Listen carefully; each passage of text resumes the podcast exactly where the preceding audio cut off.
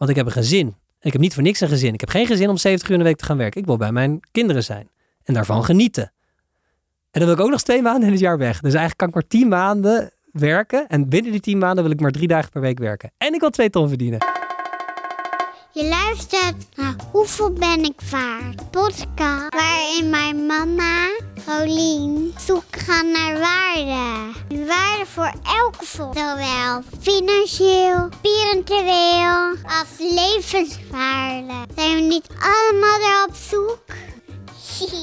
Is hij Oké, Lenny, vanaf hier neem ik hem weer over. De gast die je vandaag hoort is enthousiast, praat snel, maar duidelijk. Zijn verhaal is helder en hij is gespecialiseerd in marketing. Verder is hij spreker, ondernemer en merkbouwer, maar vooral ook vader van twee jonge dochters. Hij heeft dikke verkering met Sunny, die mooie blonde van Sunny zoekt geluk. Nou, misschien weet je het al, het is niemand minder dan Jorg Ruis. Jorg vertelt in deze aflevering over wat marketing precies is. En hij vertelt over de kosten die je maakt om een cursus te ontwikkelen. Verder heeft hij een geweldig idee voor mij en je hoort het allemaal in deze aflevering.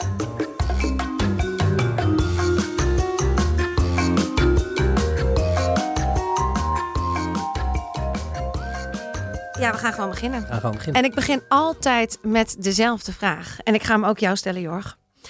Wanneer wist je voor het eerst wat je waard bent? Ik, eh, ik wil bijna zeggen, ik weet het nog steeds niet. Nee, snap ik. ja, nee, voor mij is dat wel echt een, eh, een continu proces. Nee, ik weet, kijk, ik weet nu wel, eh, ik doe al 16 jaar ben ik bezig als marketeer. en al iets van vijf jaar als, als ondernemer. Dus je, je weet het wel steeds beter. Maar nog steeds, als je iets nieuws lanceert, ik heb onlangs iets nieuws gelanceerd, dan ben je toch aan het uitzoeken, oké, wat is dit nou waard? Hoe, hoe zorg ik ervoor? En ik heb eigenlijk eh, zo in mijn hoofd van, hoe zorg ik ervoor dat het tien keer zoveel waard is als dat je ervoor betaalt? Wat heel moeilijk te bewijzen is. Maar zo probeer ik dan te werken. Van als mijn, ik heb dan nu een online programma voor ondernemers. Als dat dan 1000 euro kost, hoe zorg ik ervoor dat iemand die dat doet, er 10.000 euro aan waarde uithaalt? Je, dan probeer ik te bedenken, hoe, hoe, hè, in welke context zou dat... En wat voor type ondernemer moet ik dan in dat programma hebben? Want als je net begint en nog geen klant hebt, dan wordt het best lastig. Ja, Dus- ja, daar moet je echt over nadenken. Ja. Maar Dus- hoe doe je dat dan? Ja, dus ik, ik vind eigenlijk, ehm, ik, ik kom uit die wereld van start-ups en internetbedrijven. Daar ben ik eh, in begonnen. En daar heb ik wel geleerd dat ehm, je kan echt in het begin heel erg over gaan analyseren. En het allemaal perfect voorbeelden bereiden. Voordat je live gaat, moeten we alles uitgedokterd hebben.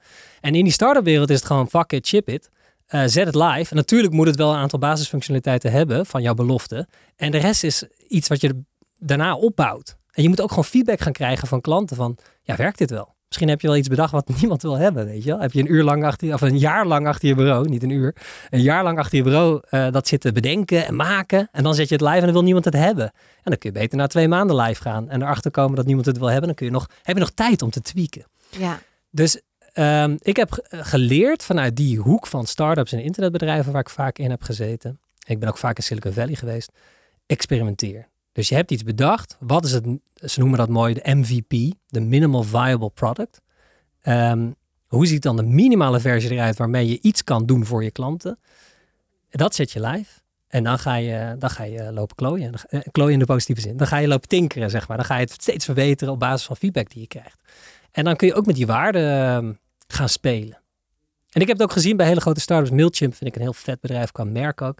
En die begonnen met de kleine bedrijfjes. En die hadden dus drie pakketten. Eh, en die zijn steeds verder omhoog gegaan met hun prijs. Naarmate ze steeds bekender werden. En, en, maar ze hadden dus ook een gratis pakket. En ze hadden 10 miljoen klanten die niks betaalden. En eh, maar iets van 2 miljoen klanten die wel iets betaalden. In, op een bepaald moment. En zo zijn ze langzamerhand. Dus ja, je, kan op, je kan dit op zoveel manieren aanvliegen ook. Van wat ben je waard? en ja, dat is ook zo. Want wat is je persoonlijke waarde? Wat vind jij jezelf waard? Want nu ben jij echt zelf, je bent ondernemer. Ja. Want, maar leg even uit, wat doe jij nu? Eh, nu heb ik samen met Sunny van Sunny Zoekt Geluk, eh, heb ik een online programma. Dat heet Vandaag Gelukkig, Morgen Succesvol. Eh, voordat Sunny en ik elkaar kenden, waren we altijd al bezig met jezelf ontwikkelen. Dat is persoonlijke ontwikkeling. Ehm, en dat online programma, dat heeft zij in het begin gemaakt, eh, vier jaar geleden. En ik ben haar op een gegeven moment gaan helpen. Eh, en dat is eh, twee jaar geleden live gegaan. En daarmee helpen we mensen in acht weken tijd ehm, hun mindset te verbeteren. zodat ze vandaag al gelukkiger door het leven kunnen gaan. Want dat zit hem ook in de kleine dingen. Maar daardoor vanuit een positieve mindset ook kunnen werken aan het succes van morgen. Whatever that may be. Dat gaat niet om geld per se. Het gaat gewoon om wat, wat wil je bereiken? Hoe wil je groeien? Wat heb je te bieden in, in dit leven? Ehm, ja, dus dat doen we samen. Eh, en dat is op basis van de afgelopen 15 jaar of 10 jaar aan ja, cursussen die we hebben gedaan. We zijn met Tony Robbins geweest. We hebben op uh, gloeiend hete kolen gelopen. We hebben Helweek. We hebben alles nog gedaan. Cursussen, trainingen enzovoort. En toen hebben we de dingen eruit gepakt die voor ons hebben gewerkt. Die zitten in dat programma. Dus dat doen we samen. En daarnaast heb ik een online programma voor ondernemers. En help ik ondernemers een, uh, ja, eigenlijk op te vallen. Om echt zichtbaar te worden. Want veel ondernemers die doen hetzelfde als de rest. Als de rest van hun concurrenten. Um, en als je echt gaat opvallen en als je dat durft, want zichtbaarheid is ook spannend, ja, dan gaan mensen op een gegeven moment voor jou kiezen. Dat ze denken, ja, ik kan kiezen uit een aantal mensen, maar diegene zie ik steeds, die, daar heb ik een klik mee, die gun ik het, let's go. En wat zijn dan die klanten? Wie zijn die klanten voor dat programma?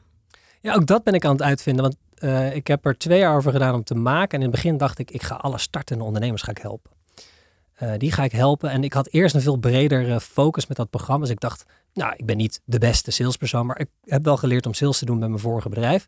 Dus daar ga ik wat in stoppen. En hoe bouw je nou een netwerk? En, maar uiteindelijk dacht ik, nee Jorg, waar je echt goed in bent. En waarvan anderen zeggen, daar ben je echt goed in. En iemand die ik ken, die zei, dat is eigenlijk jouw genius. Dat vond ik dan heel cool om te horen, maar dat zeg je niet zo snel over jezelf. Waar je echt goed in bent, is zet een ondernemer voor je. Al is het drie uur s'nachts. We maken jou wakker. En je zegt, dit is mijn business. En dan begint er dus bij mij, zodra die ondernemer begint te vertellen, begint er bij mij allemaal beelden van hoe zou ik kunnen opvallen als ik die ondernemer was? Hoe kan ik meer autoriteit naar me toe trekken? Hoe kan ik zichtbaarder zijn, zodat de ideale klant denkt, fuck it, we moeten hem hebben of haar hebben. Dat is mijn um, ja, expertise. En ik dacht, ik ga dat beginnende ondernemers leren. En toen ik bezig was met dat programma, dacht ik, ja, het is niet per se alleen voor beginnende ondernemers. Je kan ook al vier jaar bezig zijn en prima geld verdienen, maar de meeste klanten komen via via. En jij wil die volgende stap maken naar, ja, ik wil nu echt zichtbaar zijn ja, dan is dit programma daar ook voor. Dus ik, het is een beetje in wording ook. Dus ik leer andere ondernemers te kiezen voor een niche, maar zelf, zoals dat werkt, hè, dat loodgieten lekte thuis, ja. Uh, ben ik er ook heel erg nog mee aan het spelen. Maar ik vind dat oké. Okay. Ja. Het is gewoon een experiment. Ik heb wel gewoon, het zijn wel, het grappige is, ik heb bijvoorbeeld een drone videofotograaf, een muziekcoach, die helpt artiesten die echt goed zijn om hun muziek weg te zetten via Spotify, Apple Music enzovoort. Hij heeft zelf bij Spotify en Warner Music gewerkt. En dan heb ik ook weer een botanist, hè, een kruidendeskundige. Dat is, het is van alles en nog wat maar, en die in die, groep zit. Ja, precies, die in deze groep zitten. Ja, maar wat ze gemeen hebben, het zijn allemaal mensen met een bepaalde houding. En ze zeggen, ja, ik ben nu hier en ik wil nu daar. Niemand kan zien wat ik nu doe, maar hè, naar de Ja. next level. Ja. Ehm, qua zichtbaarheid, qua marketing. En ik wil vooral niet doen wat de rest doet. En dan wil ik nog een stapje terug even. Want wat is zichtbaarheid? We willen namelijk allemaal zichtbaar zijn. En iedereen belooft ons ook zichtbaar te zijn als ik die cursus doe of die cursus. Betekent dat dan zichtbaar zijn op Instagram? Of betekent dat. Wat is marketing en wat is zichtbaar zijn? Eh, de definitie van marketing is anders dan zichtbaar zijn. Ik begin even bij marketing. Kijk, ehm, veel mensen zijn gewoon best wel goed in wat ze doen. En als je het nog niet bent, dan wil je het graag worden. Dus als, de, als dat je basis is, of je bent al goed in wat je doet, en je hoeft niet gelijk de beste te zijn, maar je weet gewoon, dit kan ik. En als je daar nog niet bent, dan weet je, dit wil ik kunnen. En daar heb ik gewoon nog even de tijd voor nodig. Nou, dat is de goede intentie. Dat is de basis die je nodig hebt. Alleen wat heel veel ondernemers denken van, ja, ik kan dit goed. Uh, ik heb een website. Hè? Tada, mijn nieuwe website is live. Ja, nobody gives a fuck. Niemand boeit het hoe jouw logo... Ja, dat klinkt een beetje hard. Maar ik zie veel mensen van... Oh, mijn nieuwe website, een nieuwe huisstijl, mijn nieuwe logo is er. En dan mensen die daar dicht omheen staan, die houden van die persoon. Zeggen ze, oh, mooi logo. Maar dat is niet de doelgroep. En de doelgroep boeit het niet, omdat we... Ja, we krijgen 6 tot 10.000 reclameboodschappen per dag. En dan bedoel ik van, er staat hier nu een deur waar een, merknaam op staat, hè, waar ik naar kijk, tot een pak melk, tot een busje wat straks voorbij rijdt met een bedrijfsnaam erop. Dus we zijn heel goed geworden in het uitfilteren van commerciële boodschappen. Dus het feit dat jij bestaat en zegt, mijn website is live, wil niet zeggen dat dan mensen komen kijken. Dus je moet zichtbaar worden. Dus enerzijds heb je je merk, daar kan ik zo nog wel even wat over vertellen, want je merk is niet je logo, is ook belangrijk om te beseffen. Um, dus spendeer vooral niet te veel tijd aan je logo. Sterker, ik denk als je een dienst, als je een dienst hebt, hè, dat je eerste tien klanten komen uit je netwerk. Dus je hebt op dat moment nog geen logo nodig. Het is fijn als je er eentje hebt, maar ga niet wekenlang spenderen aan je logo, want dat kost je te veel tijd. Je kan beter gewoon klanten naar binnen gaan hosselen. Uh, je hebt gewoon een bedrijfsnaam nodig en dan gas geven. Maar als je er dus bent, hè, je hebt je website, je hebt je product, je, of je dienst, dan moet je het vermarkten. En dat is marketing, dat is het aan de man brengen. Ehm, en marketing is eigenlijk de basis van goede marketing is niet Instagram ads, Facebook ads.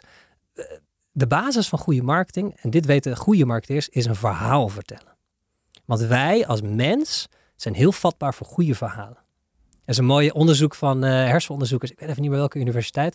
Maar dan gingen ze twee groepen mensen, uh, gingen ze onder de hersenscanner leggen. En dan gingen ze de eerste groep een PowerPoint-presentatie laten zien. Nou, ik zie een beetje lachen, want de PowerPoint-presentatie, ja, ja, precies. Ja, je, je valt, in slaap. in slaap, ja. ja, precies. Ja, dan krijg je die bullet points en dan vertellen ze precies hetzelfde wat er ook op die slide staat. En jij bent natuurlijk sneller met lezen, dus dan, ja, ben er al. Nou, dat, eh, dus het mooie was, ze zetten die mensen dus onder die hersenscanner. Ze lieten een PowerPoint-presentatie zien. En dan zie je dus bepaalde gedeelten van de hersenen zie je oplichten. En die verwerken informatie. Ehm, en, maar er gebeurt niet echt bijster veel. En het is ook eh, dat heel veel van die informatie wordt vergeten. Want die twee gebieden, ehm, die filteren gelijk die informatie. En denken, oké, dit is nuttig, dit is niet nuttig. Dit sla ik op en dit ga ik dus onthouden. Dat was wat het was. Dat was, de control, of dat was de groep A. Toen hebben ze groep B onder de scanner gelegd. En groep B kreeg geen PowerPoint, maar groep B kreeg een vet verhaal te horen. Een verhaal waar alles in zat. Hè? Goede verhalen, zoals wij, we zijn natuurlijk allemaal fan van een Netflix-serie. Dat zijn goede verhalen. Spanning, sensatie. Hè? De hero's journey, zoals dat mooi heet. Hè? De hoofdpersoon begint ergens. Moet allemaal uitdagingen. En uiteindelijk hoop je hè, dat hij slaagt. Of dat hij, nou, sommige Netflix-series gaan mensen ook gewoon dood. Maar het is in ieder geval heel spannend. Als je dat dus aan mensen laat zien of vertelt en je ze zet ze onder de hersenscanner, dan ontploft die hele hersenscan. Want die, die, die hersenen die gaan helemaal aan. Want als je goed verhaal vertelt, dan kun je je bijna voorstellen dat je erbij bent. Dat is ook de reden dat als we op de bank zitten en een enge film kijken, dat we kunnen schrikken. Of dat onze kippenvel uh, opkomt, omdat we denken, oeh, het gaat spannend worden, weet je wel. Ja. Dat we helemaal meeleven, dat we verdrietig kunnen worden. Dat is wat een verhaal doet. Die spreekt veel meer delen van je hersenen aan. En het is eigenlijk een soort vuurwerk onder die hersenscan.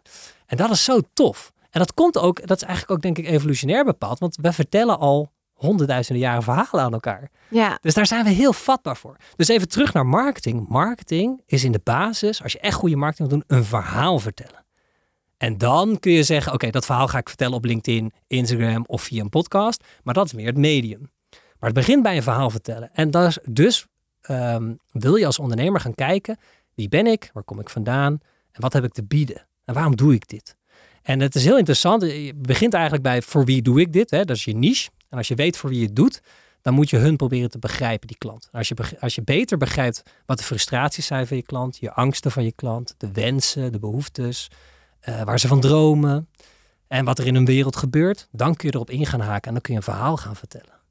En dit kan, ja, dit kan, ja, of je nou uh, oesters verkoopt of, uh, het maakt niet uit. Maar weet je wat ik soms wel lastig vind? Want ik, ik, ik voel dit helemaal. Ik heb mijn verhaal ook totaal niet op orde. Ik heb nou, geen idee. Want ik heb jij wel, want jij hebt, ik heb ergens gelezen, je bent moeder van drie kinderen. Waarom ben je deze podcast gestart? Omdat ik geld wil verdienen. Ja. En, maar je loopt dan ergens tegenaan. Ja, tegen heel veel obstakels. Ja. ja. Ja. Dus dat is de hero's journey. Jij begint. Zeker. Drie kinderen, hè? dus je Ik- moet aan de bak. Absoluut. Dus ik geloof ook dat, dat de luisteraar, dat iedereen die luistert, die vindt, denk ik, wat ik heel veel feedback krijg, is dat ze het verhaal, mijn verhaal, zo ontzettend interessant vinden en dat ze daarom blijven luisteren.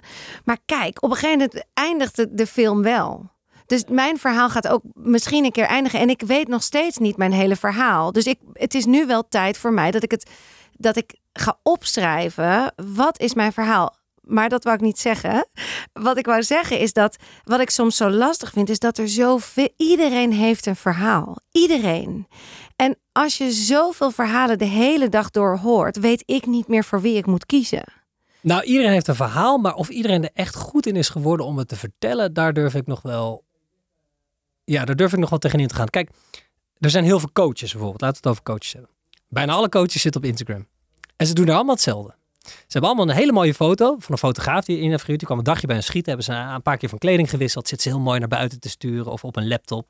En dan komt er zo'n tekst van, eh, herken je dit ook? En, en dit werkte ooit, maar nu doen alle coaches het. Ja. Dus je moet weer naar de next level met je verhaal. Nou, wat veel coaches en mensen überhaupt niet willen doen, en nu hebben we het over zichtbaarheid, is video. Want dan wordt het weer een stukje hè, spannender. Want dan laat je nog meer van jezelf zien. En je vindt jezelf gek klinken. En je vindt jezelf gekker uitzien. En die zin kwam er niet lekker uit. Hè? Dan krijg je die zelfcriticus die aangaat. Ja.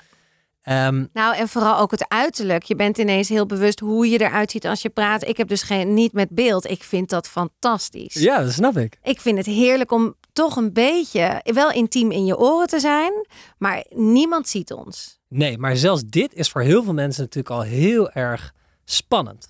Want we hebben een uitzending, we gaan het niet overnieuw doen. Dus als, wij nu Nee. iets, als ik nu iets zeg, ik denk, ah, had ik beter moeten zeggen. Ja, Ja, dan kun je jezelf helemaal eh, ja, de grond instampen, hè, de innerlijke dialoog. Of je kan zeggen, nou, die had ik volgende keer even beter moeten doen. Maar heel veel mensen, en dit komt ook weer terug op dat stukje zichtbaarheid. We willen allemaal, of nee, eigenlijk moet ik het zo zeggen. We hebben eigenlijk allemaal twee basisangsten die iedereen wel deelt. En dat is, ben ik wel goed genoeg? En, ehm, en de tweede gaat over eh, dat je niet verstoten wil worden. Dat is een hele primaire wie zit er op mij te wachten? Wie zit er op mij te wachten is die eerste. Oh, ben ik wel goed genoeg? nog. Ja, Ja. ben ik wel goed genoeg? Kan ik dit wel? Wie ben ik dan wel niet? En dat is een angst eh, die zo heftig aanwezig is dat, dat we de hele tijd er naartoe op zoek zijn qua bewijs. En daarom belanden heel veel ondernemers en überhaupt heel veel mensen in perfectie. Want als je het maar perfect hebt geregeld en je hebt controle over alles, dan kun je, hè, dan, dan hoef je niet de discussie innerlijk aan te gaan met ben ik wel goed genoeg, want alles gaat goed. Ja, Maar ja, dat is, jij weet dat ook, dat is niet wat hoe ondernemen werkt. Op een nee. gegeven moment komt iets en denk shit, weet je wel. Ehm, en dat kan wel die angst triggeren van shit, zie je wel, ik ben niet goed genoeg. Shit, weet je, niemand luistert naar mijn podcast. Niemand komt naar mijn vlog. Niemand komt, niet- weet je, niemand Want komt naar mijn online Praat programma. jij uit ervaring? In de zin van, hoe, hoe ga jij hiermee om? Heb jij die criticus die nog vaak naar boven komt met... Ja, ja, dus die gaat ook nooit weg. Maar je hebt daar wel wat. En nu komen we op de tools die je eigenlijk vroeg. Eh, je hebt er wel een paar manieren voor om daarmee om te gaan. Ten eerste is het belangrijk om te beseffen dat die innerlijke criticus, het ego, is een onderdeel van jou, maar dat is niet wie jij bent. Dus soms in het begin ehm, visualiseerde ik, of, of stelde ik me voor dat als dat stemmetje opkwam, want soms heb je ook helemaal niet bewust dat je een innerlijke, eh, ben je niet bewust van dat er een innerlijke dialoog start. Maar je hoort gewoon zo'n opmerking, of je hoort jezelf tegen jezelf zeggen, eh, shit gast, dat je, heb je echt dom gedaan, jeetje, zie je nou wel. Dat je beseft dat dat een onderdeel van jou is. En dat dat een stukje ego is wat jou op dat moment wil beschermen. Of misschien een stukje oud zeer. hè. Het kan ook trauma zijn, omdat je vroeger in groep 7 een spreekbeurt gaf. En die ging helemaal verschrikkelijk. Dat zelfs de juf, juf aan het lachen was. Ja, dat kan 40 jaar later jou nog steeds problemen opleveren. Omdat je het podium op moet. Dat je denkt, shit, weet je. Ja, Dat je bij de minst geringste signaal dat iemand op zijn telefoon zit. Terwijl jij op het podium staat. Dat, dat jouw innerlijke criticus begint. Zie je nou wel? Ze zit op een telefoon. Je, bent, je doet er niet toe. Je bent niet goed genoeg. Weet je? Dus je moet beseffen dat dat soort processen in je hoofd beginnen. En zodra je er bewust van bent, ben je al een heel stuk verder. Maar dan gaat het nog niet weg. want Dus- ik ben me bewust, maar het gaat niet weg bij mij. Nee, maar je bent wel bewust en je bent bewust genoeg dat je toch deze podcast start. Terwijl jij ook 100%, want dat heeft iedereen, toen je dit ging starten, komen er eh, gedachten op. Wie ben ik dan wel niet? Heb ik wel genoeg, ehm, kan ik wel genoeg gasten regelen? Kan, ik wel, kan ik het wel het interview gaande houden? Nou, het gaat je hartstikke goed af. Ja, ik heb al- maar ja. ik vind het soms zo lastig dat het, dat het nog dat het niet. Ik doe dit nu bijna een jaar of anderhalf jaar al. We zitten echt op in de aflevering Hartstikke kort, hè? 55. Ja, het is ergens kort. Aan de andere kant denk ik ook, jeetje, ik heb zoveel mensen gesproken. Ik moet even die informatie een keer echt tot me gaan nemen.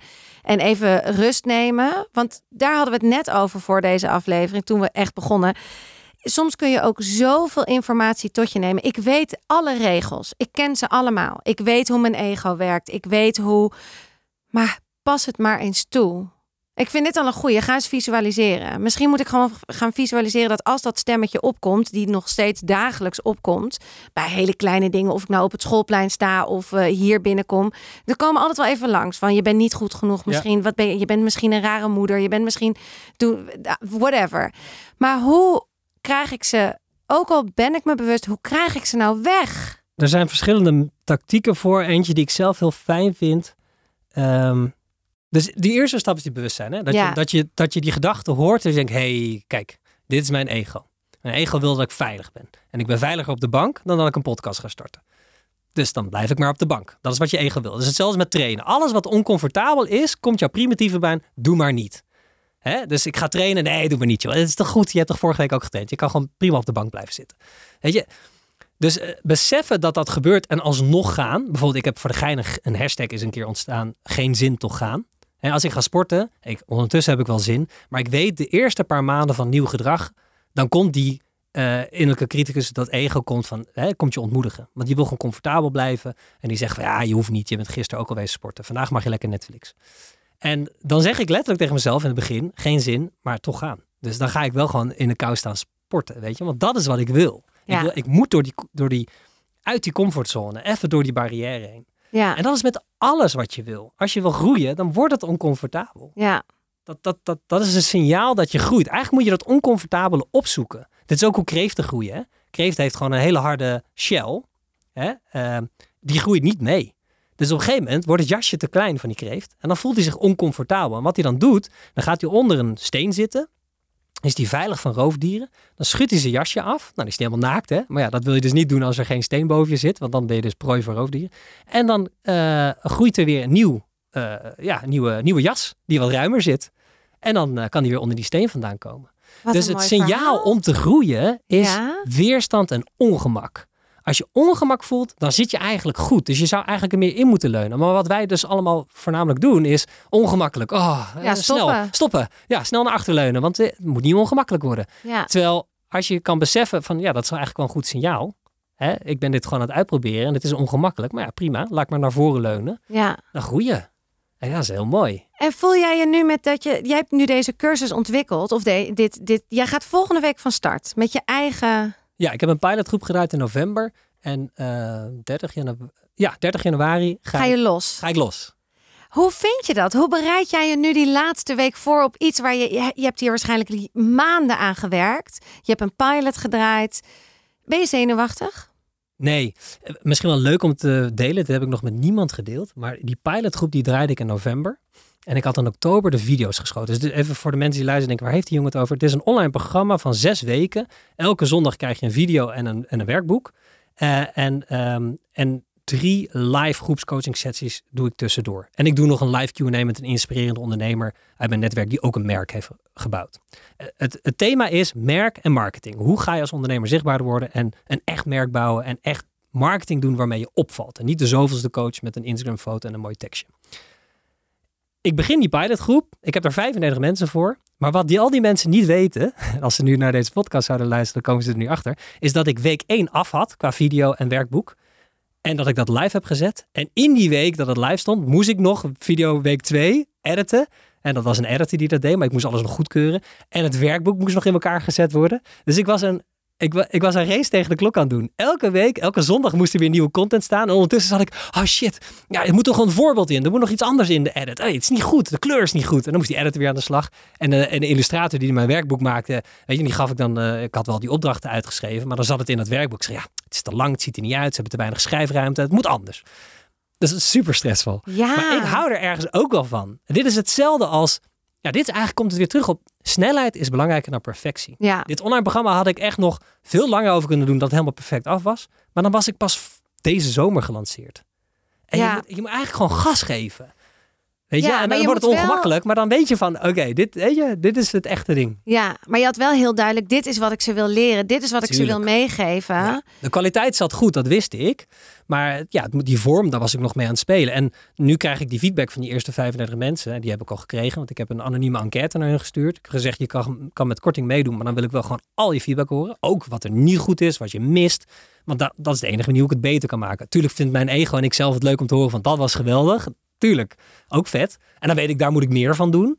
Maar ik wil ook gewoon horen van mensen die zeggen van ja, dit was, dit, dit was lastig. Bijvoorbeeld in week 5 geef ik heel veel video en heel veel opdrachten. En dan zeiden ze ja, dit was pittig. Weet je, ik ben lekker eh, aan de gang. En dan in één keer in week 5, de ene laatste week, moest ik zoveel doen. Ja. Dacht ik, oh shit, dit moet ik even wat beter aanpakken. Ja. Maar dus dat heb ik in november gedraaid. En nu ehm, ga ik over anderhalve week live. Nou ja, goed, hè, we nemen vandaag op, maar 30 januari Ja. ga ik live. En ik ben daar niet meer zenuwachtig voor. Want ik weet, na 15 jaar of langer, dat het ene ding waar ik echt goed in ben, is live voor een groep. Geef me maar je bedrijf. En ik ga je helpen, eh, samen met jou kijken, hoe kun je nou opvallen. En dat is echt wel een talent, wat ik heel lang niet wist van mezelf. Ja, geef me maar een ondernemer. En ik weet gewoon hoe je merk bouwt. Want ik ben gewoon rete goed in merken bouwen. Dat heb ik bij meerdere bedrijven gedaan. Bij meerdere techbedrijven. En ook met Culture Builders, mijn eigen bedrijf, wat ik nu weer heb verkocht. Daarmee hielpen we andere bedrijven een goede cultuur te creëren. Had ik Amnesty International, VU Medisch Centrum, Toms, Tommy Hilfiger binnen een jaar als klant. Puur door een, een, een vlog te beginnen. Een zakelijke vlog. Waarvan iedereen tegen mij zei, ja, vloggen is voor elfjarige kinderen en zo knorren, wat de fuck ga je doen? Eh, niet voor HR-mensen waar jij je op richt. En toch wist binnen een jaar tijd dat soort klanten binnen te halen. Omdat ik dus in die vlog het had over hoe bouw je cultuur. Nu ga ik naar dit bedrijf, daar is dit de uitdaging. Dus door mezelf zichtbaar te maken, wist Ja. ik binnen no time een autoriteit te worden. En dat is wat ik die mensen leer. En ja, live sessies en zo, dat zit erin. Daar bereid ik me nooit op voor. Net zoals ik me vandaag niet heb voorbereid. Gewoon, ik weet gewoon, Ja, je weet, er je hebt je ik wil wel. Ja, Ja. dus jij hebt je marketing totaal op orde. Nou, je eigen marketing. Ja en nee, want dit is toch weer bij de loodgieterlekte thuis. Als ik, eh, en je kijkt natuurlijk altijd heel kritisch naar jezelf, in ieder geval dat doe ik. Ehm, ik heb bewust een rustperiode ingelast, waardoor ik wist, oké, ik moet eigenlijk eh, een paar reels maken. Ik moet eigenlijk nog wat meer laten zien van het programma qua inhoud. Weet je, ik wilde nog een, een podcast starten. Ik moet eigenlijk weer gaan vloggen. Een aantal dingen heb ik gewoon niet gedaan. Maar daar heb ik vrede mee. Maar ik weet gewoon, als ik dat de komende maanden ga doen, dan wordt die groep veel groter van mensen Ja. die mee gaan doen. Ja, Dus ja, ik, enerzijds kun je zeggen, ik heb het op orde. Anderzijds weet ik gewoon, ik kan ook nog dit doen. Kan ook, ik ben ook heel jaloers op jou, weet je. We zitten hier in een super vette studio, goede setup. Ehm, weet je, Ja, hebt gewoon een vette maar- podcast. Doe je al anderhalf jaar. En ik heb dat ook al twee jaar als idee. En iedereen Ja. heeft nu tegenwoordig podcast. Het gaat er niet, ook niet om dat je de eerste bent. Maar ik raak er wel van aan. Ik denk, wat leuk dat je dit doet. En dan krijg ik ook weer ideeën. ja goed, heel Dus goed. er is nog genoeg te doen. De- ja, tuurlijk. Maar gelukkig ook maar. Zo heb ik ook nog een hele lijst van dingen die ik heel graag wil doen. En waar, want kijk, ik maak heel leuk deze podcast. En ik heb dit seizoen voor het eerst wel een sponsor waar ik mega trots op ben. Wie is de sponsor? Oslo Skin Lab. En En volgens mij echt? zijn daar ook producten van. Ja. Ja, neem jij dat niet stiekem ook? Want jij hebt ook wel een mooi huidje. Collageen, toch? Ja. Ja. Nee, ik heb wel, ik heb wel collageen thuis staan, maar eh, niet... Oh, Jorg, dat is toch jammer dat jij niet de solution van Oslo Skin Lab gebruikt. Want hij werkt echt. Tenminste, ik ben er heel erg blij mee. Mijn huid is stralender en mijn rimpels zijn minder diep. Het collageenpoeder komt in handige meeneemzakjes. En het kan overal in. Koffie, thee, havermoutpap, smoothies. Want de solution heeft namelijk geen geur- of smaakstoffen. En wil jij dit nou ook proberen? Dat kan. Met de kortingscode ROLIEN ontvang je 60% korting op je eerste box. Link in de show notes. Ik ben er echt super blij mee. Ik vind het echt een hele leuke samenwerking. Ehm, maar ja, ik moet ook nog kijken hoe gaat het volgend seizoen. En je moet, je, het, het, het heeft, het is wel. Mag ik wat zeggen Ja? hierover? Je biedt waarde. En naast dat marketing een verhaal vertellen is, draait het uiteindelijk om waarde bieden. En deze podcast is gratis. Dus er zijn heel veel mensen, je krijgt ook heel veel reacties, zei je al, van mensen die zeggen, hé, hey, wat gaaf die gast. En, hè, eh, en Ja. mensen halen er waarde uit. Ja, En zolang je dat voor ogen houdt, ehm, en ik denk zelfs, ik heb daar zelfs een regel voor in mijn hoofd, dat je in je marketing kun je 30% van je kennis weggeven. Nou, jij geeft heel veel weg.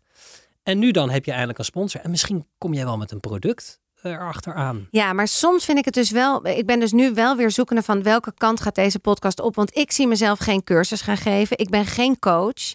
Ik eh, kan samenwerkingen gaan doen. Maar ja, ik weet ook, ja, dat moeten we ook allemaal kijken. Past het echt bij mij? Zoals Oslo past echt bij mij. Ik ben dol op dat spul. Ik Hmm. Ja. wil daar nooit meer mee stoppen. Ja. Dus dat klopt dan echt. Maar je moet op een gegeven moment misschien ook als je de, een soort van waarde biedt. Ging nou mijn, mijn Ik heb hem op computer af? vliegtuigstand Ja, dat ben ik, hè? Ja, Oh. Oh. Nee, nee, nee. Is die laptop die iets doet ineens. Maar ja, ik ben daar ook nog zoekende in van hoe je dat dan gaat marketingtechnisch echt gaat, hoe, ja, hoe je dat neer gaat zetten. Ik heb al een product voor je. Oh, Je- ken- echt? Ja, ken je Tim Ferriss? Ja, 4-Hour ik moet natuurlijk Tim Ferriss worden. Nou, hij heeft één boek. Hij heeft meerdere boeken. Ja, de heeft begonnen- 4-hour workweek. Workweek. En toen Ja. kwam de 4-Hour Chef en toen de 4-Hour Body.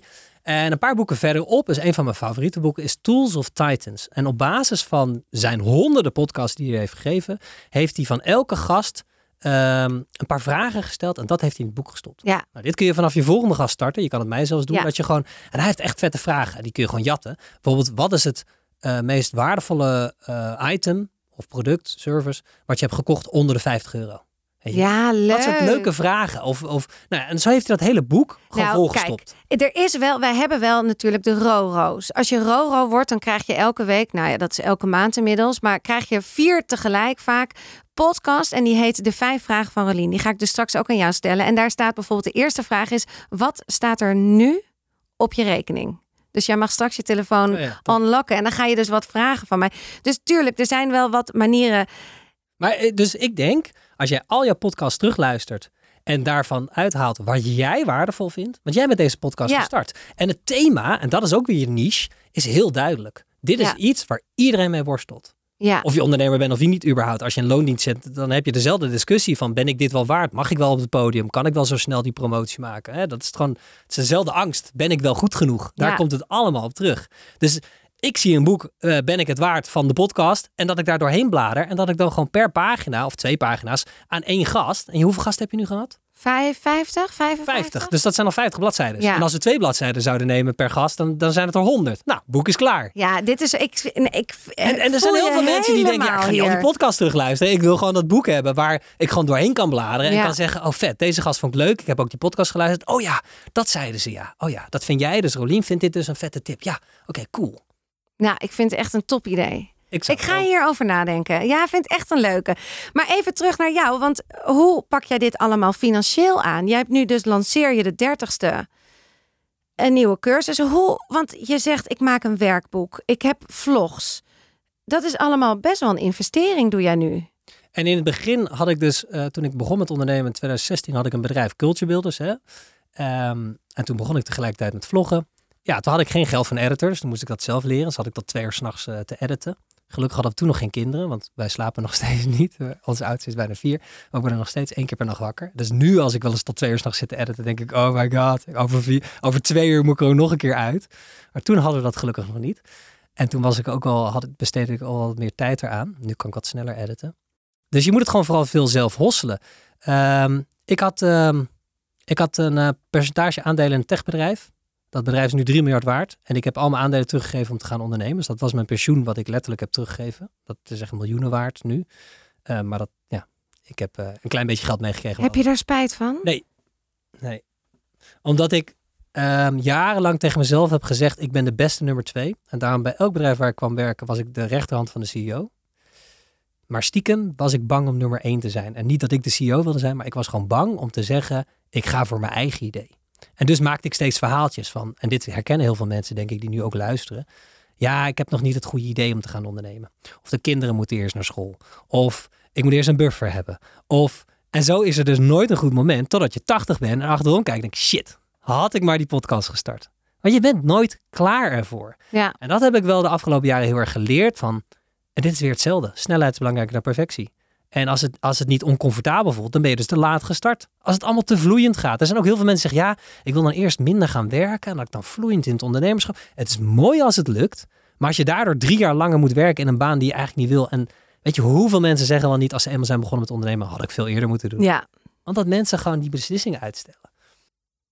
Goed, waar gaan we heen? Want eh, hey, Nee, gewoon een ik- kwartje in en ik ga een kant op. Maar Nee, ik wil gewoon weten financieel. Ik wil gewoon cijfers Financieel. horen. Hoeveel, Cijfers. hoeveel, hoeveel kreeg jij dan? Hoeveel had je? Dus ik had, ik had voor één. eh, eh, eh, ik, toen ik besloot om te gaan ondernemen, had ik nog één maand salaris op mijn rekening. Want we gingen trouwen, dus allemaal spaargeld zat in de bruiloft. En ik had ehm, geen laptop en geen telefoon. Die moest ik teruggeven aan de zaak. Dus ik had Sunny's oude MacBook geregeld. En ik had een- een oude iPhone ergens gehosseld. En ik dacht, ja. Eh, ik had een hitlist gemaakt van klanten die ik wilde benaderen uit mijn netwerk. En een shitlist van baantjes die ik zou gaan doen als ik niet genoeg geld zou kunnen Wat verdienen. waren die baantjes? Nou, ik heb ooit modellenwerk gedaan, dus ik dacht, mooi. Weet je, dat is makkelijk. Veel geld verdienen. Nou, was hilarisch. Ik ging me inschrijven.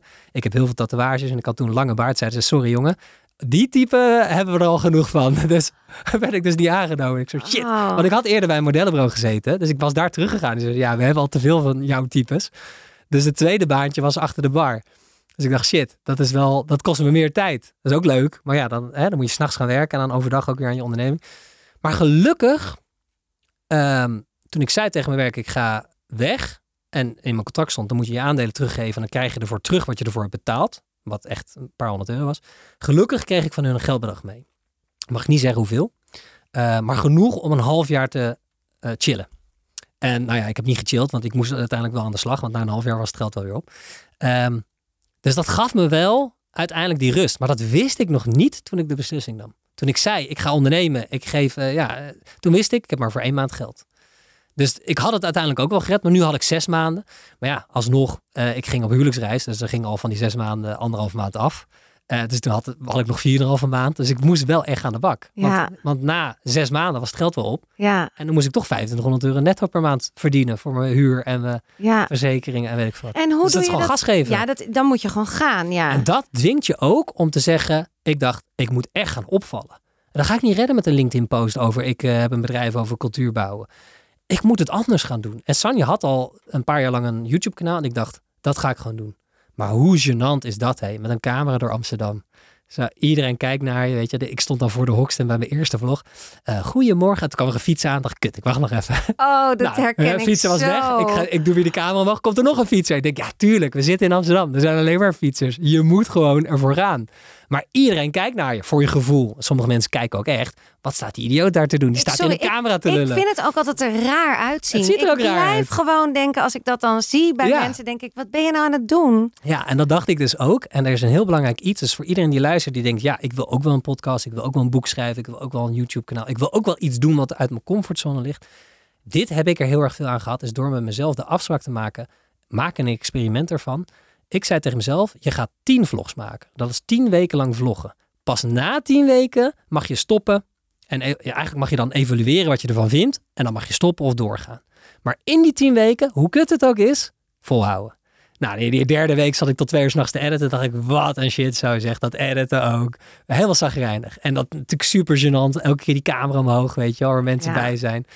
Maar na week zes kreeg ik steeds meer reacties. En in week acht kreeg ik iemand van Holland Casino. Die zei, hey, tof wat je doet. We hebben een uitdaging qua personeel. Kunnen we niet eens een keer zitten? En toen dacht ik, holy shit. Er kunnen gewoon klanten uitkomen. Want ik wist niet eens dat het... Ik, ik dacht, oké, ik ga ondernemen voor het eerst. Hilarisch. Ik ga vast allemaal domme fouten maken. Laat ik dat maar vastleggen. En de marketeer mij wist ook wel dat het ongewoon is om het op die manier te doen. Dus ik ga het gewoon aan. Ik zie wel wat het brengt. Ik, ik wist niet van tevoren, hier ga ik al mijn klanten uithalen. Wat uiteindelijk na anderhalf jaar wel zo was. 95% van onze klanten, zoals Amnesty International, zoals VU Centrum, zoals Tommy Hilfiger, kwam via die vlog. Maar had ik van tevoren nooit geweten. Dus dat is wel mijn geluk geweest dat ik mezelf heb gedwongen om weken iets te doen wat heel erg uit mijn comfortzone lag. Wat heel erg opviel, want niemand gaf zijn kennis weg eh, op die manier in de, in de vorm van een vlog. Want ik was niet de eerste met cultuurbouwen. Je had Deloitte al, je had al die grote consultancy companies, die doen het beter dan ik.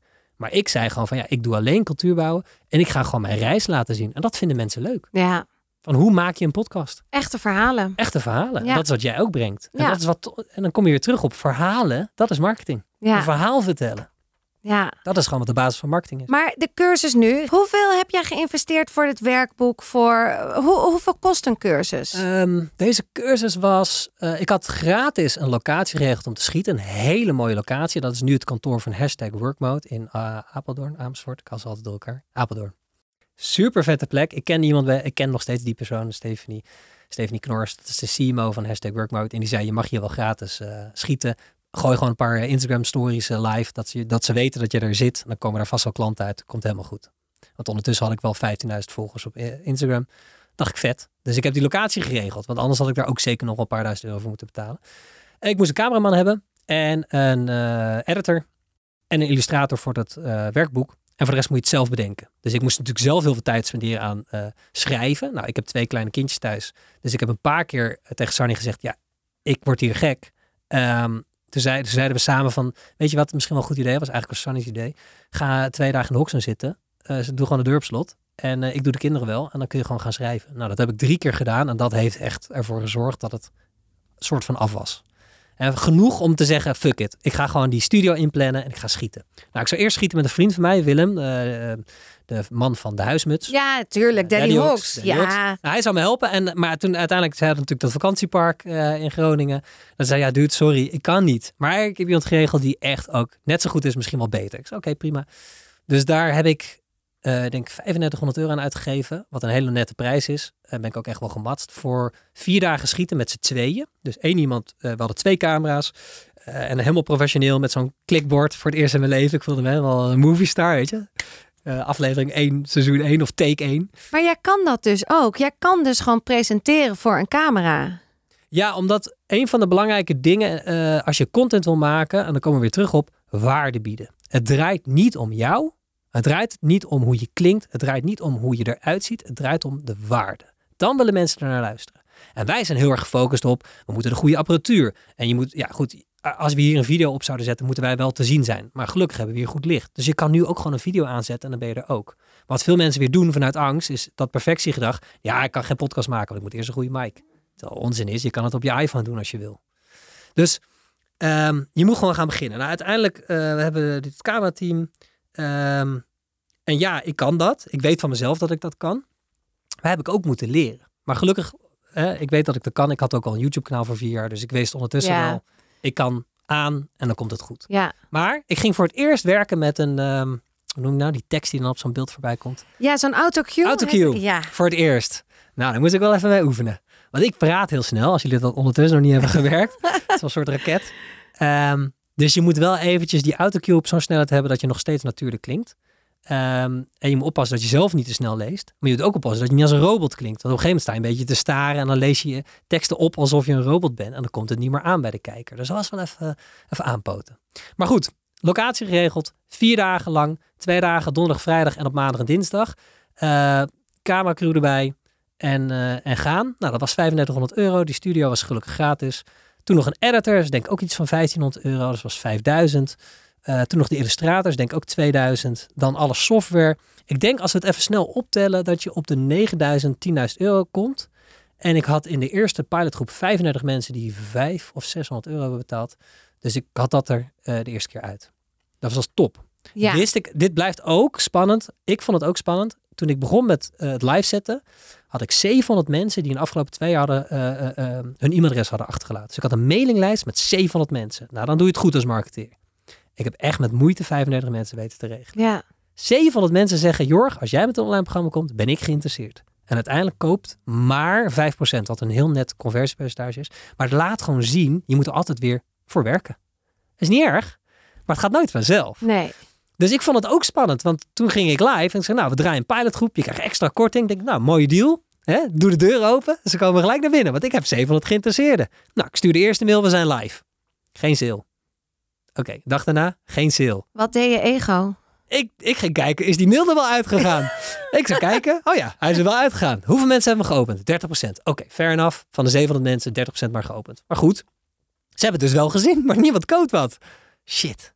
Oké, nou ik weet, ik weet als marketeer hoe het werkt. Ik, kijk, mijn ego zegt shit, maar ik weet, ja, je moet acht mails sturen en die Instagram post doen en zo'n podcast als dit horen ze en dan denken ze, nou, ik, eh, ik heb wel wat met deze gozer. Ik denk dat, die, dat ik wel wat kan leren. Ik denk dat de investering waard is. Ik ga ervoor. Ja. Of ze denken, ja, die gozer steeds met zijn yes, yes, yo. Snelle gelul. Het wordt hem niet. Nou, kan ook. Ja, het hoeft niet altijd je klant te zijn natuurlijk. Prima, Nee. als het niet je ding is. Ik heb dat ook. Ik wou een keer een live event doen. Was ik wel drie dagen voordat we live gingen, ging ik het organiseren. Ja. En niet weten dat Move marketing... you're ready. Ja, Ja, heel precies. goed, ik dacht, ik zit al in dat ik, ik- stoeltjes. Al, nou, wat erg dit. Dat ben ik echt, hè? Ja, WhatsAppjes denk ik. Ja, maar ik snap niet dat hij aangesloten is op. eh, nou ja, ik, dit knip ik er lekker uit. Eh, ik wist, ik had geen idee dat je zeg maar dat mensen drie keer iets moeten zien voordat er een soort activatie komt. Minstens. ja. Minstens, ja. Ik dacht ook, als ik dit aankondig, dan komt iedereen. Dan Ja. heb ik meteen carré vol. Ja. Bewijs van spreken. Ja. Weet je, zo'n grote. Ja. Nou, dat is gewoon niet zo. En, dat, dat, en het, het was ook niet duur. Ik zou 25 euro vragen of zo voor een kaartje. Het was echt, dan hadden we de kosten van de zaal eruit en zo. Maar er was echt niemand die geïnteresseerd was. En toen heb ik ook meteen gezegd: Oké, dit gaan we niet doen. Slecht aangepakt. Eh, ik ben daar gewoon helemaal niet klaar voor. Maar ik, dat heeft me wel 24 uur even in mijn ego zo. Oh, helemaal als een kleine rozijn voelde ik me. En toen later dacht ik: Ach, ik ben gewoon een druif. It's all good, weet je. Maar het was wel echt even pijnlijk. Ja, dat is het ook. En kijk, aan de ene, aan de ene kant, ehm, ik visualiseer veel. Dus ik visualiseer wel een grote groep ondernemers die enthousiast is en die waarde uit dit programma haalt en daardoor zichzelf zichtbaarder maakt en daardoor klanten krijgt zonder dat ze zelf koude sales hoeven te doen. En dat ze na twee jaar mij opbellen en zeggen, Jorg, dat programma. Zo zie ik dat allemaal voor me. Maar de realiteit, dat is als visualiseren. En dan is natuurlijk de realiteit dat je wel in beweging moet komen. En dat je denkt, oh ja, ja oké, fair enough. Ik, moet, eh, ik had de eerste keer 35 mensen. Nou, daar eh, ben ik hartstikke blij mee. Maar ik had gehoopt dat ik met gemak 70 mensen erin zou gooien. Ik denk 10% van die mailinglijst moet toch wel lukken. Ja. Ja, nou ja, niet, niet, kijk, je concurreert natuurlijk niet alleen met... Kijk, ik kan besluiten om deze podcast te luisteren. Of ik ga Netflix kijken. Of ik ga een andere van 100 podcasts luisteren. Dus het is niet eens... Jij denkt zelf... shit, it's me. Ik heb iets fout gedaan. Ik ben niet goed genoeg. Dat die hele innerlijke dialoog start. Maar ja, het is gewoon, mensen hebben er even geen zin in. Niks Nee. van jou. Of eh, ja, ze willen eigenlijk gewoon eh, een Netflix-serie kijken. Ja. Eens een keertje geen podcast En luisteren. er is ook, er wordt gewoon heel, daar hadden we het net ook even over. Er wordt gewoon ontzettend veel aangeboden. Dus je moet echt wel een beetje. Nou, ik heb, je, je kan je niche bepalen aan twee kanten. Aan voor wie je het doet, je doelgroep. Je niche eigenlijk, hè, dat is een klein gedeelte van de doelgroep. En door middel van je aanbod creëer je zelf ook een niche. Kijk, eh, als mensen gewoon het irritant vinden dat ik zo snel praat of Engelse woorden gebruik, dan kunnen ze erop afhaken. Dat is helemaal oké. Want als je dat irritant vindt, moet je zeker mijn online programma niet kopen. Want dan ga je je echt kapot ergeren. Ehm, dus mensen selecteren ook hun. En ze selecteren op, op gunfactor ook. Van ja, dit is een toffe chick. Die Rolien, die ja, tof. Hè, die zegt zoals het er- er- er- erop staat. Daar hou ik van. Nou, als jij met dat boek komt, koop ik hem wel. Dus dat is wel cool, weet je. Dat je Ja. op die manier ook selecteert. Ja, maar het, is, het, het is, lijkt me heel lastig dus. Want nu komt je cursus uit. Ja, je wilt toch het liefst duizend mensen er bewijs van spreken in. Ja, en ik heb geen idee hoeveel er nu nog in zitten. Maar je, het, lijkt me, het lijkt me gewoon weer spannend. Het is altijd weer spannend als je iets lanceert. Ja, ik denk dat ik op 30 mensen uitgekomen. En eh, ik kan dus nog meer marketing doen. Dat ga ik ook de komende maanden doen. Waardoor ik denk de volgende keer mei dat er 50 of 100 mensen bij komen. Want dat is wel zo. Dit, blijft, dit, dit kun je het hele jaar aanbieden. Je kan om de zes weken, of nou ja, laat zeggen dat je ook twee weken rust neemt. Maar je kan het om de twee, drie maanden eventueel aanbieden. Drie keer per jaar kan je het lanceren. Ja, dat is de max. En misschien doe ik het maar twee keer per jaar. Ja, dat is ook Ja. een beetje exclusief blijf je dan. Ja, want in mei heb ik wel vastgelegd. Maar ik zit dan ook vijf weken in het buitenland. Ehm, dat maakt voor het programma niks uit. Maar ik probeer ook, ik heb een thema Wat laten ga je doen in het buitenland? Ja, ik wil minder werken. Ik, wil, ik werk al heel weinig, maar ik, wil, ik heb een gezin. En ehm, ik heb al eh, vaak genoeg in mijn leven 70 uur werkweken gehad. Dus ik probeer gewoon twee, drie dagen in de week te werken. En net zoveel te verdienen als fulltime. Ehm, dus dat is mijn thema de afgelopen maanden of jaren. Je wil minder werken. Ja, en een onderdeel daarvan weer is mini-pensioen. Dus onze ouders werkten tot ze 67, 65 waren en gingen dan echt genieten. Eh, maar ik weet niet of ik 65 word. En tegen die tijd moet ik daar waarschijnlijk tot mijn 75ste werken voordat ik officieel met pensioen mag. Ehm, en ben ik dan nog wel gezond. Dus Sanny en ik hebben gezegd, eigenlijk willen we gewoon twee maanden in het jaar weg en niet werken. Mini-pensioen. Dus dat hebben we toen gedaan toen de, die oudste zes maanden was en Sanny zwanger was van de tweede. Zijn we in Zuid-Afrika twee maanden gaan zitten En hoe financieren jullie dit? door te zeggen: Oké, ehm, wat hebben we ongeveer nodig? Dit, dit, dit. We willen ons huis in Amsterdam niet onderverhuren. Dus we hebben dubbele huur. Dit verwachten we uit te geven aan boodschappen in Zuid-Afrika. Huurauto. Nou, zo maak je een rekensom. Kwamen geloof ik op 12.000 euro de man uit. Nou, dan ben je dus als ondernemer heb je het gemak om te zeggen: Nou, we hebben nog 11 maanden. Hmm, ik moet dus eh, 12.000 euro extra verdienen. Hoe ga ik dat doen? Ja, hoe ga je dat doen? Nou ja, eh, samenwerkingen, eh, op zoek naar eh, ja, meer klanten, eh, meer, meer grotere pakketten proberen aan te bieden. Ehm, ja, dat is gewoon hosselen.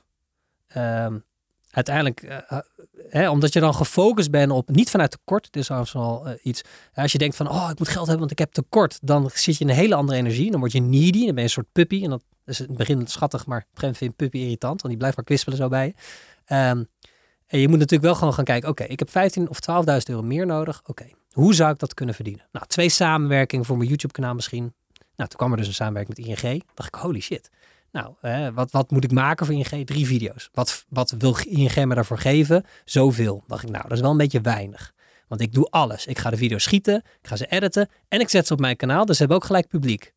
Nou, mag ook betaald voor worden. Want vroeger moesten ze met een filmcrew komen en dan moesten ze het zelf nog aan de band brengen. En nu hebben ze gelijk een publiek erbij. Dus ik vind dat de prijs iets hoger mag. Ook vanuit de gedachtegang, dit ben ik waard. Thema van deze podcast. Maar ook vanuit, ja, ik wil 12.000 euro extra verdienen. Dus ik moet nu ook wel durven vragen. Want veel ondernemers durven toch, vragen toch, ja, ik, misschien wel tot met 50% minder dan dat ze daadwerkelijk Maar dat komt zijn. ook omdat we allemaal niet weten wat voor geld er is. Nee, dus je moet het vaak in de context plaatsen. Wat gaat jouw dienst of product voor verschil maken voor de klant? Ja, Als ik een ondernemer kan helpen om twee jaar sneller eh, bepaalde klanten binnen te halen. en, en, en ja, het ligt er natuurlijk aan in welke business je zit. Maar als ik een cultuurtrek verkocht, dan was dat 60.000 euro. Moest ook een half jaar voor aan de slag. Maar als ik iemand help die net zo'n bedrijf heeft als ik had, hè, cultuurtrajecten. En ik zorg ervoor dat ze één extra klant binnenhalen voor 60.000 euro, die ze anders niet hadden gehad. Willen ze mij dan 1000 euro geven voor mijn programma? Ja, denk het wel. ja ik denk wel meer. Wel meer. dus zo probeer ik te denken van wat kan ik... En, en dus dat heb je met heel veel dingen. Van eh, bijvoorbeeld iemand die meedoet aan mijn online programma is een foodfotograaf. Uh, zij helpt dus uh, mooie restaurants met, om echt goede foto's te maken van de gerechten. En dat is nog best wel een kunst. En ik zat op haar Instagram te kijken en dacht ik, wow, jij kan dit ook echt. Dat zei ik ook tegen haar. Zeg, nou ja, je hebt hier echt oog voor. Ze zei, ja, ik ben ook designer geweest. Ik zei, nou, ik zie het aan je foto's. Compositie, helemaal spot on. Alleen niemand ziet haar. Ze is niet zichtbaar. Dat is waar ik haar mee ga helpen. Maar haar product.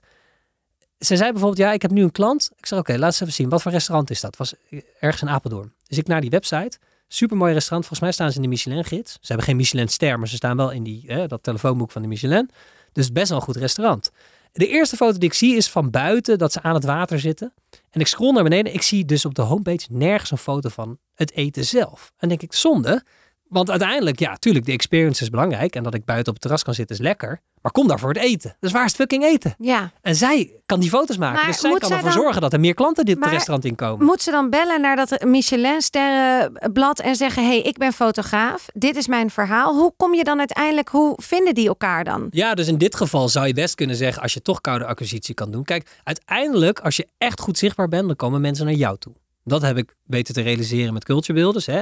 Amnesty, Holland Casino, Tom Hilfiger kwamen uiteindelijk naar mij toe. Omdat ze een paar vlogs hadden gezien. Dat ze, die gast die weet waar het over heeft. Of in ieder geval is aan het leren en hij durft in ieder geval te delen. Dus misschien moet hij eens een keer hier langskomen. Maar ik heb ook wel eens koude acquisitie gedaan. Die 5% van mijn klanten kwamen toen ik ze ging benaderen.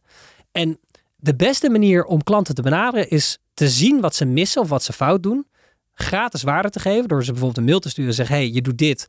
Ehm, ik zou het zo doen. Eh, of ik zie hier dat je qua social media, hè, als je social media stratege bent, eh, dat je hier en hier kansen mist. En dit zou ik doen.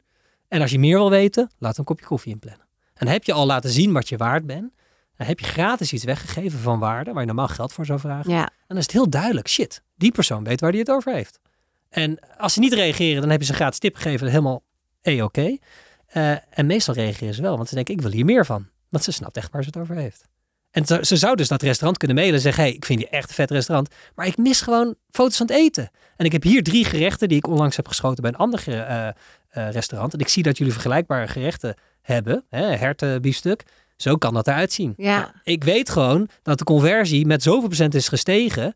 Weet je, ik bedoel, als je onderneemt en je bent foodfotograaf, dan zou ik mijn eerste klant bijna gratis doen. En dan zou ik zeggen, ik wil op een of andere manier kunnen meten wat het verschil is geweest toen jullie op social media en op jullie website die foto's zijn gaan laten zien. Kunnen we ergens meten of we meer reserveringen krijgen? Dat is natuurlijk holy grail. Lukt niet Ja. altijd, maar dan kun je zeggen, door mijn foodfotografie heb ik, nou ja, dit is Maar, natuurlijk joh, best scenario van jij- een verdubbeling qua klanten. Nou, als je dat tegen een restaurant jij kan zeggen, dan verkoopt het alweer alsof ik gewoon, ik zelfs als jij die fotograaf niet ben, ik geloof jou meteen. Jij hebt zo'n bepaalde overtuiging. Het is dat jij nog net niet die fotograaf bent, maar ik zou, als jij haar zou vertegenwoordigen, zou ik het gewoon al van je kopen. En dat heeft natuurlijk niet iedereen zo'n talent om zulke goede mailtjes te sturen, om zulke, of is dat te leren? Ja, maar dat had ik 15 jaar geleden ook niet. Nee, dus het is ook doen en leren. Ja, ja en, weet je, ja, tuurlijk. En je gaat het ook eh, verknallen. Ik heb ook vaak genoeg.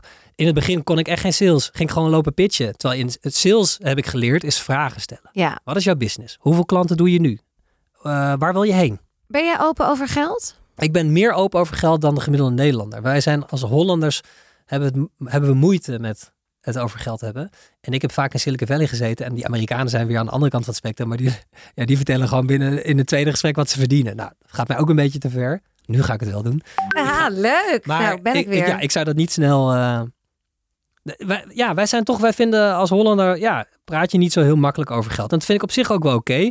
maar nou, ik vind het ook wel leuk om het erover te hebben, omdat het Ja. misschien anderen inspireert. Absoluut. En, het, en ik, ik denk als we meer zouden weten wat mensen verdienen, dan van elkaar, dan zou je misschien durf je dan ook wel meer te gaan staan voor wat jij waard bent. Snap je? Als je op een gegeven moment, als, wij, als ik me een beetje kan vergelijken met jou, nou ja, ik ben, ik, jij bent echt al langer in de, maar en jij zou 1000 euro vragen, dan weet ik, oh, dan kan ik misschien wel 800 vragen. Juist. Dus als we daar Juist. opener over zijn en daar dus ook meer bodied in worden, dan, dan ja, dat is, lijkt me te gek. Maar ik wil nog wel weten, wat is je financiële doel dit jaar? En mag ik dan al zeggen wat ik in het eerste jaar heb verdiend? Ja, dat mag je allemaal zeggen. Graag. Dus de eerste jaar dat ik ging ondernemen was mijn winst 30.000 euro. Tweede jaar was het 35.000 en het derde jaar 45. En toen dacht ik, potverdomme. De, de, het spelletje is dus dat je steeds een klein beetje meer als doel zet. Maar dat komt omdat wij graag lineair denken. Als ik 30.000 heb verdiend, kan ik volgend jaar geloofwaardig ook wel 40.000. En toen zei ik in mijn derde jaar, maar ik wil volgend jaar niet dan 60.000 verdienen, ik wil 200.000 verdienen. Niet omdat ik er per se dat geld nodig heb, ook al heb ik het wel nodig, moet mijn eigen pensioen regelen. Maar meer zo van, ik ga een belachelijk doel stellen, zodat ik me dwing anders te denken. Want ik wist, als ik van 45.000 euro winst naar 200.000 euro winst moet gaan, ja, dan, dan moet ik iets heel anders gaan doen. Dan kan ik niet op uurtarief. Dan moet ik echt met pakketten of ik moet iets gaan bedenken. Dus ik dwong mezelf met zo'n belachelijk doel om anders te gaan denken. Uh, vorig jaar heb ik uh, 190.000 euro omzet, niet winst, uh, behaald. En was mijn winst volgens mij 96.000 euro met mijn salaris af, want ik heb nu een BV. Dus ik heb 190.000 omzet. Dan gaan al mijn kosten eraf. Hield ik 150.000 over. Dan keer ik mezelf als, omdat ik een BV ben, een salaris uit. En toen bleef er gewoon nog 90.000 euro over. Maar wat een geld. Ja. Maar en, en dit is interessant, dat heel veel mensen geld. denken... Wow, 90.000. Het is heel veel geld. Maar besef jongens, voor iedereen die niet een ondernemer is, als ondernemer moet je je eigen pensioen regelen. Zeker. Er is niemand, en je eigen verzekering deel. wij krijgen je- niks. nee, dus nee. als wij uh, op onze 60 denken, ik wil niet meer werken, of op je 60 krijg je iets waardoor je niet meer kan werken en je wordt 100, moet je nog 40 jaar je eigen kosten betalen. Er is niemand die nu luistert die mijn pensioen gaat betalen, dus ik moet het zelf hosselen. Want als ik het over geld heb, er is een bepaald type persoon die zegt, jeetje patser, 90.000 euro. Ja, maar vriend, dit is ook wel gewoon mijn fucking pensioen wat ik moet regelen. Die Dat 90.000 ineens euro kan ik niet- opmaken. het is niet ik kan niet, een boot, ik kan niet een boot kopen. Ik moet gewoon mijn pensioen gaan regelen. Ja. Dit is wat heel veel mensen vergeten. Ook als je bijvoorbeeld een uurtarief omhoog gooit en het vraagt aan iemand. Dan zeggen ja, maar eh, ik krijg maar zoveel per uur. Ja, maar vriend, jij zit in loondienst. Jouw pensioen, hè, je draagt waarschijnlijk zelf pensioen af, maar dat wordt ook door de werkgever afgedraagd. Als jij ziek bent, is er een vangnet. Als ondernemer ziek is, is er niks. Dus wij moeten meer geld vragen, omdat we ook veel meer moeten betalen. Ja. Dat vergeten best wel veel mensen. Ook ondernemers zelf. Hè? Ehm, je moet eigenlijk al veel meer vragen dan je normaal wil vragen. Want als je ziek bent, arbeidsongeschiktheidsverzekering, weet je wat dat kost? Nou, Het valt nog mee trouwens. Als je niet op een stijger staat, dan kun je voor 19 per maand, ben je vijf jaar lang gedekt als je ziek wordt. Dus het kan.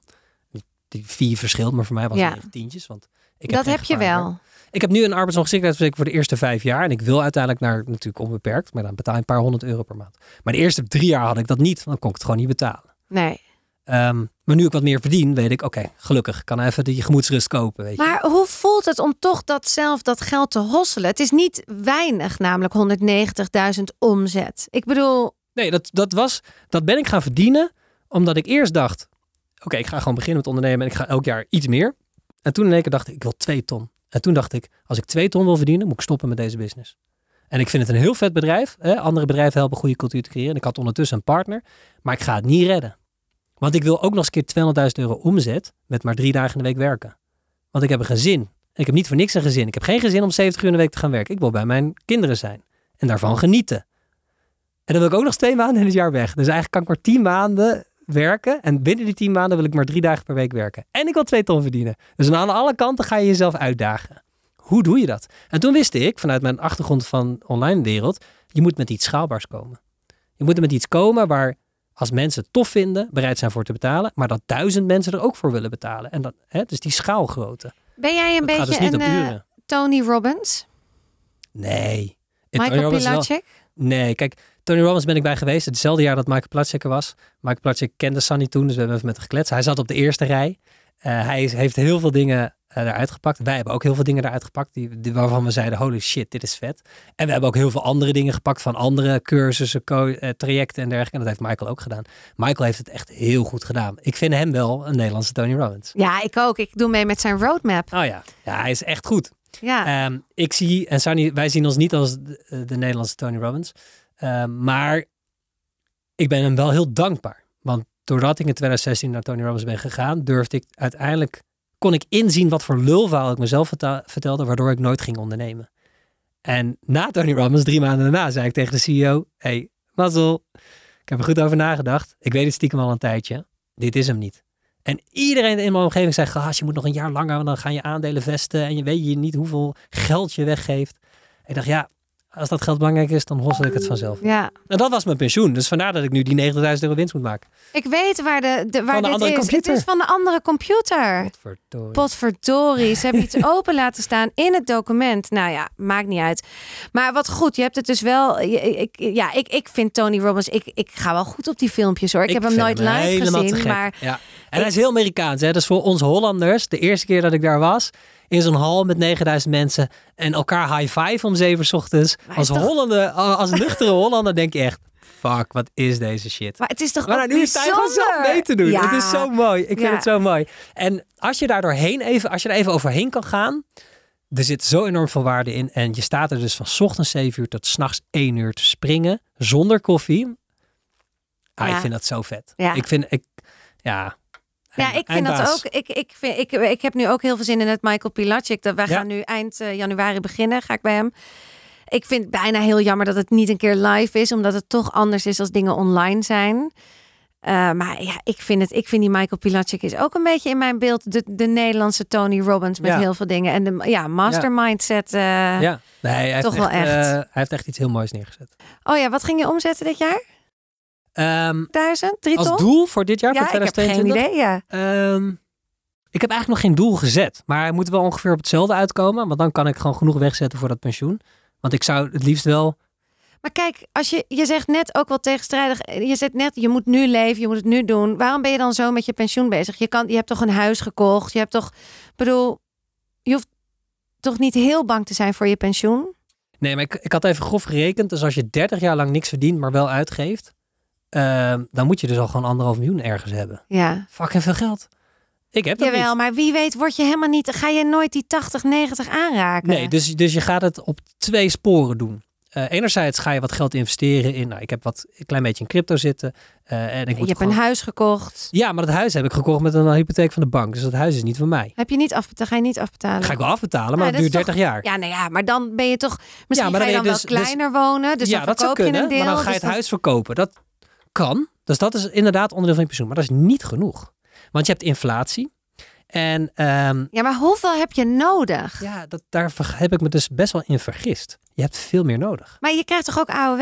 Ja, maar dat is 700 euro. Nou, iets meer volgens mij. Rond 900. 900. In je eentje en gewoon je eentje, je bent met 15 met z'n tweeën. Nou, oké, maar dat. Daar Maar weet je wat een huur kost? Als Nee, je, Ja, maar dan ben je Ik- afbetaald. Ja, nee. Want ik moet mijn huis verkopen. Want dat is mijn pensioen. Dus als ik mijn huis moet verkopen, moet ik ergens gaan huren. Nee, want dan En kan de je huur is tegenwoordig wel- gewoon 1200 euro. En dan heb je niet echt iets heel spannends. Nee, maar je kan ook blijven wonen en dan gewoon denken: we zitten op nul hypotheek en we hebben die 1500 en ik heb nog wat opgebouwd. Ja, maar dan, wil- de- maar dan kun je dus niet genieten. Dan ben je dus Nou, 60, 70 en dan is het zo van, zullen we naar Zuid-Afrika gaan? Nee. Zullen we met vakantie gaan? Nee, dat kan niet, want ik heb een AOW'tje. Dus we gaan Jawel, naar dus- Bakkum. En wat heel leuk is, Maar, maar, je hebt geen anderhalf miljoen nodig om je pensioen door te komen. ja, Echt? nou ja, kijk maar eens even wat je... va- Kijk, je vaste lasten gaan wel iets omlaag. En als je huis hebt afbetaald, gaat je grootste gedeelte van je vaste lasten omlaag. Maar boodschappen, wat betaal je per maand aan boodschappen? Heel veel, echt. Maar wij kopen, wij, ik, ik- dat, Ja. dat is ook elke week komt het terug in mijn podcast. Ik ben echt fan van de Odin. En dat is een soort ecoplaza. Dus ja, Ja. ik denk dat wij echt, en dat overdrijf ik niet, tussen de 1000 en de 1500 per maand aan boodschappen Ja. zitten. En ik denk dat als jij 70 bent, dat je nog steeds biologisch, biologisch eet en goede kwaliteit eten wil. En dan zijn je kinderen het huis uit, dus gaan je kosten iets omlaag qua boodschappen. Zij gaan voor mij betalen. Ja, maar je gaat niet in één keer Euroshopper eh, voedsel Nee, eten. Dus, nee, je, dus je, je boodschappen zijn er. Je verzekering loopt door. Je Netflix loopt door. Tegen die tijd is het iets anders. Hè? Je hebt je virtual reality bril, moet je ook voor betalen. Dus weet je, je hebt nog steeds wel kosten. Dus als je 2000 euro netto per maand nodig zou hebben, vind ik dat niet, vind ik dat niet bijster veel. Nee, nee, nee. nee. je 24.000 bedoelt. euro per jaar Ja, is 240.000 euro als je 10 jaar leeft. Als jij van je 60ste tot je 100ste leeft, heb je 40 jaar keer 240.000. Ja, maar- Jorg, jij gaat niet 100 worden. Eh, ik ga niet 100 worden? Nou ja, dat weet ik niet. Jij Ga bent wel wel heel fit. Ja. Ik ga er wel vanuit. ja, ga je er wel vanuit dat je 100 wordt? Nee, ik wil geen 100 worden hoor. Nee, maar ik wil echt best wel... Als ik 85 ben, wil ik kastje wijlen. 4 keer 240.000 euro. Dat is wat je nodig hebt. Dat is een miljoen. Dus als je maar 2000 euro netto uitkeert aan jezelf, dat is niet bijster veel. Dan moet je alles voor doen. Je huur, je autootje, je benzine of je Ja, elektriciteit. dan ga je dus niet veel op vakantie. Voor 2000 euro netto, Nee. als je alles daarvoor moet betalen. Je verzekering, je verzekering wordt duurder hè. En, eh, ik bedoel hè. Ja, dat hebben we nu al Oud, gemerkt. ja. Ja. Dus alles wordt duurder. Dus 2000 euro met inflatie over, hè, als je 2000 euro Ja, over, over 40 jaar krijgt uitgekeerd, is echt kansloos eigenlijk. Dan, kun je Ja. gewoon, dan ben je gewoon, kun je niet zoveel. En daarvoor, om jezelf vanuit je eigen pensioen 2000 euro netto per maand uit te keren, moet je een miljoen hebben. Want dan heb je ook nog inflatie, je moet nog belasting Maar- betalen over dat geld. Dus je moet meer dan een miljoen hebben. En Maar ik ben geen jij- fiscalist. dat heb jij binnen tien jaar heb jij dat Nou, daar ga ik wel voor. Maar dit is wat heel veel ondernemers vergeten. Weet je, en dat is waar. Kijk, en de- ik denk aan de basis, we vinden het allemaal best spannend om te hebben over geld, omdat we, denk ik, dus aanname, niet, ook niet zo snel willen weggezet worden als geldwolf of dat soort dingen. Terwijl ik denk, ja, geldwolf, gewoon pensioen. Het is gewoon hoe je zorgt dat je. Want niemand gaat jouw pensioen betalen. Dan moet je zelf hosselen. Ja, En dit moet je meenemen in je tarief, meenemen in je pakketprijs. En niet in het eerste jaar dat je onderneemt, maar als je in jaar drie zit, moet je echt wel je prijs omhoog gooien. doet Sunny het ook zo goed? Sanny doet het beter. Ja, hoe is dat? Een vrouw die het beter doet dan jij? Ja, ik heb daar absoluut geen probleem mee. Er zijn mannen die hebben daar heel veel problemen mee. Maar dat zijn dezelfde mannen die gaan zeiken als een vrouw zwanger is dat ze zoveel last hebben van haarhormonen. Terwijl ze zelf geen baby hoeven te maken. Dus dan heb je niet echt een ruggengraat als man, vind Nee. ik. Maar goed, Nou, netjes gezegd. Daar sluiten we hem dan eh, bij af. Dankjewel. ja, superleuk. Wil je nog iets zeggen over je online training? Oh ja, mag ik je- ja, je, maar ik Nou, kan voor het iedereen die, na deze podcast denkt, hé, hey, ik wil wel wat meer weten over dat online programma. Check even yesyesyo.nl. Maakt niet uit hoe je het schrijft. Ik heb alle domeinnamen vastgelegd. Dus je gaat uitkomen bij mijn website. Ehm, en dan kun je meer lezen over het online programma. 30 januari starten. Dus als je nog mee wil doen, is dat echt heel erg leuk.